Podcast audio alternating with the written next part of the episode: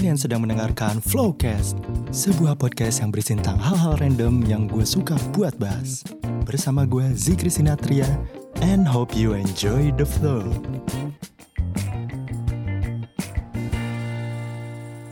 Halo semuanya, gimana kabarnya? Semoga pada baik-baik aja ya. Di tengah-tengah pandemi kayak gini nih, jangan lupa buat patuhin peraturan PSBB-nya. Soalnya yang gue lihat di jalanan masih ramai banget orang-orang. Harusnya kan mereka bisa diem di rumah dengan tetap jaga kesehatan gitu maksudnya. Cuman ya udahlah, gue sendiri juga nggak mau ambil pusing lah. Nah, di podcast kali ini nih, karena ini kebetulan podcast pertama gue, jadi izinkan gue buat ngenalin diri gue dulu ya. Nama gue Zikri Sinatria, biasa dipanggil Zikri, dan untuk ke depannya sih sebenarnya gue belum tahu podcast gue bakal berisi tentang apa aja. Cuma kalau untuk sekarang ini sih, gue masih baru kepikiran buat ngebahas tentang hobi gue.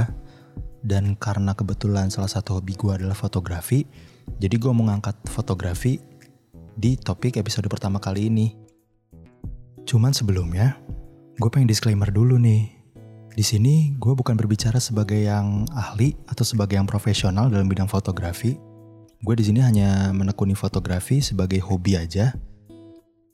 Jadi kalau misalnya seandainya ada perbedaan pendapat, uh, ya mohon dimaklumi aja, santai aja dan tidak ada salahnya juga kok berbeda pendapat. Nah, kalau misalnya kita mau ngomongin tentang fotografi nih, kita kayaknya harus mulai dari pengertiannya dulu sih.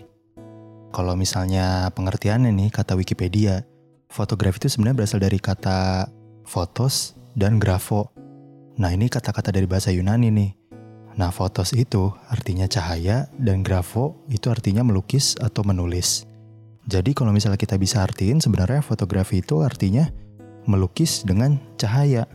Nah tapi permasalahannya di kenyataannya nih kita nggak bisa ngartiin itu benar kayak cuman melukis aja gitu dengan cahaya gitu. Banyak yang harus kita pelajari Kayak misalnya hal teknis lah, hal non teknisnya juga lah.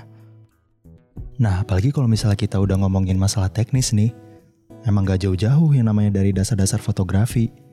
Yang namanya aperture, ISO, shutter speed, pasti menyangkut tentang itu.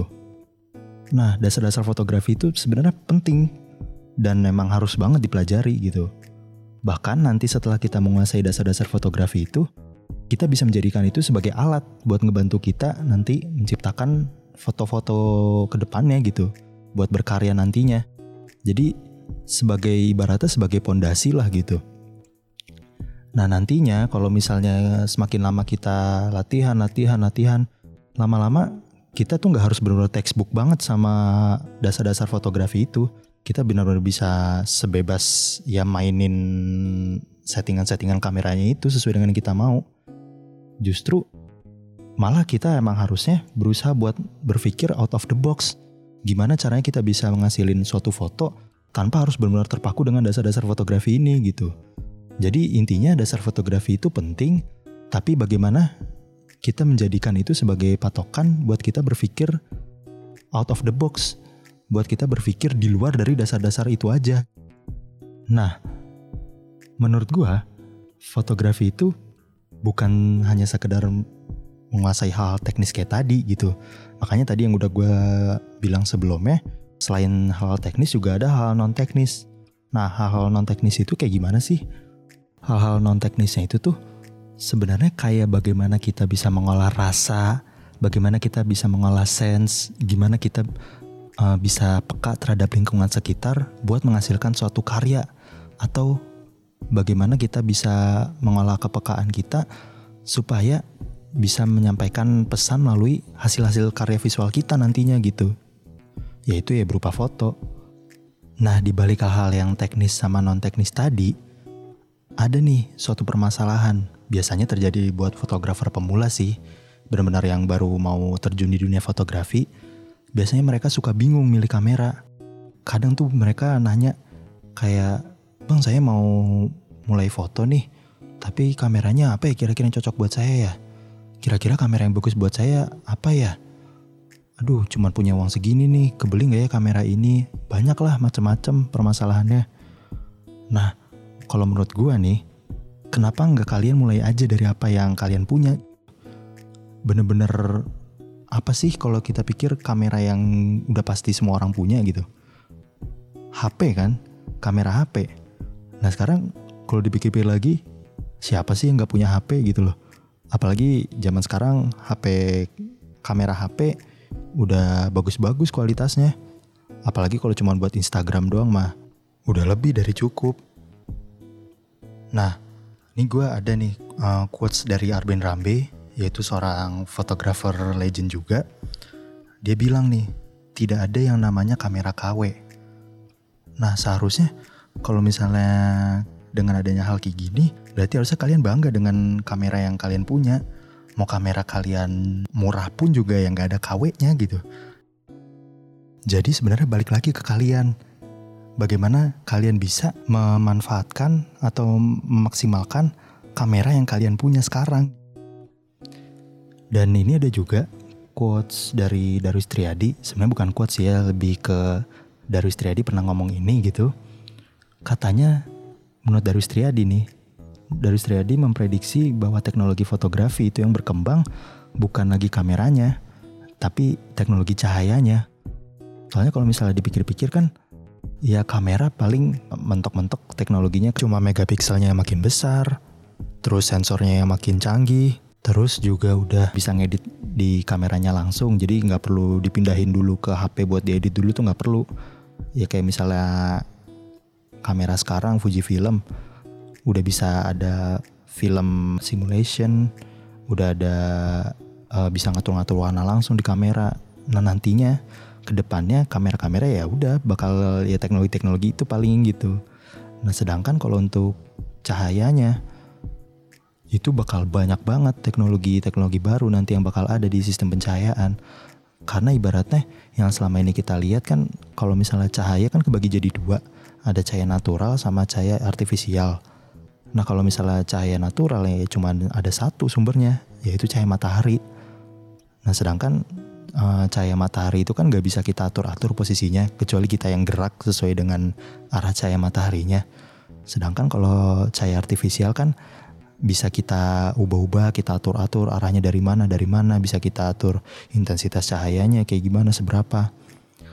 Nah, justru nanti yang berkembang ini ya si artificial lightnya ini, cahaya buatannya ini. Yang nanti misalnya ada artificial light yang bisa menyerupai cahaya matahari itu misal udah bisa mirip cahaya matahari atau artificial light yang bisa diprogram sedemikian rupa lah buat membantu fotografer itu. Menurut gue nih, ketika seseorang itu udah menekuni fotografi sebagai hobi dan dia mencintai hobinya itu, berarti maksudnya di sini dia mencintai fotografi. Berarti harusnya dia bisa pakai kamera apa aja gitu. Mau kamera murah kayak mau kamera mahal kayak Ya ibarat kata kayak misalnya ketika kalian mencintai seorang, ya kalian mau ngelihat keburukan dia kayak apa pun kek, ya kalian tetap cinta gitu. Ya namanya sama juga hal kayak gini, ketika dia udah mencintai fotografi ya mau mau kameranya kayak apa kek, mau mau lo moto di daerah kayak apa kek, mau tempatnya bagus, mau tempatnya jelek ya lu bakal ngelakuin itu. Karena emang secinta itu lu sama fotografi gitu lu bakal bisa menemukan keindahan di setiap sudut-sudut yang lu temuin. Terus akhirnya muncul nih pertanyaan, bedanya profesional sama hobi tuh apa sih? Kan ada tuh fotografer yang emang cuman hobi, ada juga fotografer yang emang profesional. Nah bedanya apa sih yang kayak gitu? Sebenarnya bedanya di profesional itu mereka dibayar dan mereka itu fotografer profesional itu memang mata pencariannya ya cuma dari fotografi itu. Jadi se mereka sebagai fotografer profesional ya itu aja udah mata pencarian mereka dan mereka dibayar buat itu. Sedangkan kalau hobi belum tentu. Cuman kalau misalnya dari segi karyanya, dari bagus-bagusan foto gitu misal, ya belum tentu yang namanya profesional selalu lebih bagus dari hobi.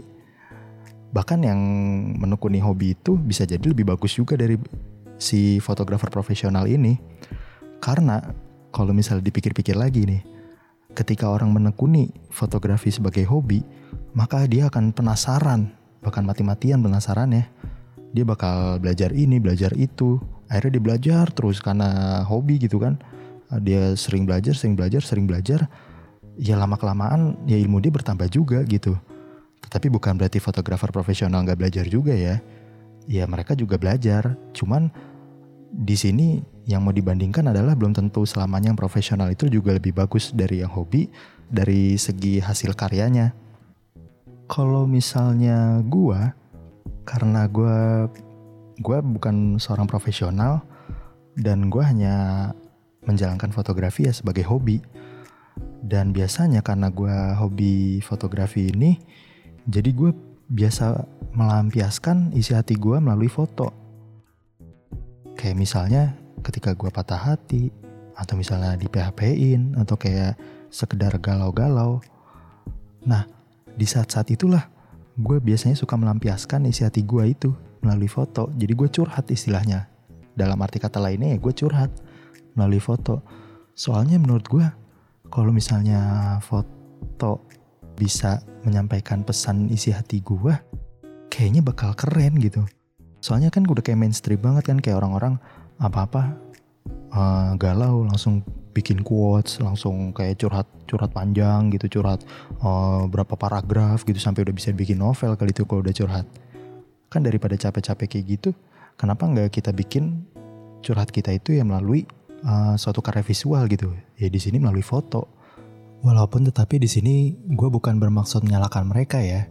Sebenarnya nggak salah juga curhat melalui quotes atau kata-kata gitu. Uh, terkadang juga bahkan gue masih suka curhat melalui puisi-puisi gitu. Cuman di sini kan ternyata ada loh cara lain buat curhat. Nggak selamanya harus pakai quotes. Ya kayak misalnya kalau kalian follow Instagram gue @zikri.sinatria ya kalian bisa follow ya. ya itu kalau misalnya kalian lihat ya, gue suka banget naruh elemen-elemen aksesoris berupa bunga. Jadi biasanya bunganya itu gue suruh modelnya buat uh, pegang lah, buat buat digigit lah, macem-macem. Soalnya menurut gue ketika gue menaruh elemen bunga itu, gue biasa mengartikan bunga itu sebagai harapan gitu. Ya kayak misalnya kalau misalnya cowok ngasih bunga ke cewek gitu biasanya nih itu kan bisa diartikan sebagai kayak harapan gitu kan. Kayak cowok ngasih harapan nih ke cewek kayak wah makasih banyak gitu. Langsung ceweknya berbunga-bunga gitu kan biasanya. Seakan-akan cowoknya itu kayak ngasih harapan ke cewek gitu. Nah cuman sekarang bedanya bunga ini gue taruh di cewek. Jadi seakan-akan kayak si ceweknya inilah atau perempuan ini yang ngasih harapan gitu ke kita. Jadi ya itu curhatan isi hati gue gitu karena ya gue pernah merasa di PHP-in gitu. Dan uh, gimana cara gue curhatnya ya itu gue menganalogikan harapan itu dengan bunga gitu. Akhirnya dengan kayak gitu gue merasa puas dengan foto-foto yang gue hasilin karena bener-bener itu isi hati gue banget gitu. Ya kita nggak harus um, mencurahkan itu secara gamblang gitu bebas dengan cara apa pun gitu. Cuman kalau cara gue ya kayak gitu.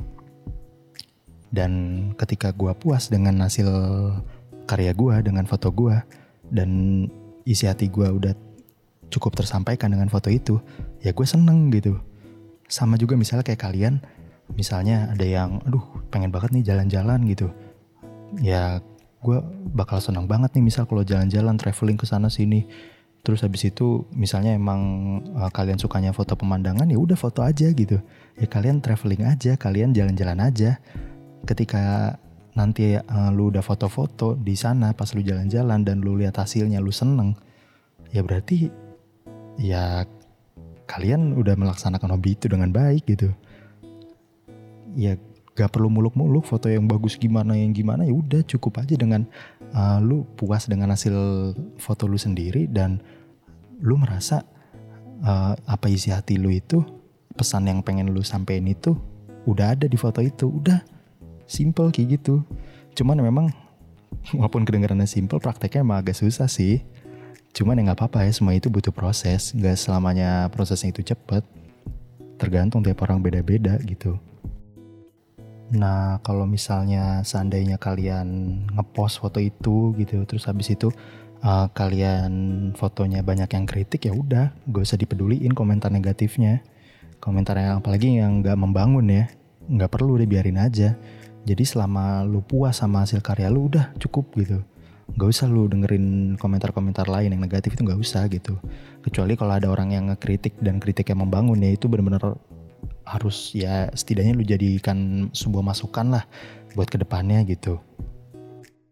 Di akhir nih gue pengen nimpulin bahwa sebenarnya gue ini pengen nge-encourage kalian yang mungkin baru mulai fotografi atau misalnya yang udah terlalu lama makan waktu buat di milih-milih kamera masih bingung gitu milih-milih kamera atau mungkin yang masih minder buat berkarya dengan apa yang kalian punya ya menurut gue yang nggak usah pikirin lagi. Itu semua nggak usah udah nggak usah dipikirin lagi. Udah yang penting kalian itu pakai yang ada maksimalkan yang ada. Terus abis itu udah kalian langsung latihan langsung udah potret-potret aja apa yang kalian mau gitu. Belajar terus belajar. Jadi nggak perlu lagi musing-musing mikirin gituan. Karena sebenarnya bukan hal itu aja loh yang harus dipikirin gitu. Ada lagi yang lebih penting dari sekedar persoalan yang kayak tadi teknis segala macam yaitu bagaimana tentang mengasah rasa kita bagaimana tentang mengasah sense kita bagaimana kita bisa lebih peka terhadap lingkungan sehingga kita bisa menyampaikan pesan yang kita mau, pesan yang kita ingin buat. Dan ketika pesan yang kita ingin buat itu sudah ada dalam foto itu dan lu merasa puas, ya sudah tercapai tujuan lu akhirnya. Jadi sebenarnya intinya itu yang gue pengen sampaikan di sini. Oke, kayaknya cukup sekian dulu podcast gue kali ini. Makasih banyak yang udah mau dengerin sampai selama ini. Dan gue juga mau minta maaf kalau misalnya seandainya masih banyak yang kurang-kurang di podcast gue kali ini. Namanya juga maklum masih podcast pertama. Kalau misalnya kalian ada saran atau kritik, boleh langsung aja lewat DM Instagram gue di zikri.sinatria. Atau kalau misalnya kalian mau follow-follow boleh follow Instagram gue juga. Dan akhir kata, gue Zikri Sinatria dan sampai jumpa di Flowcast berikutnya.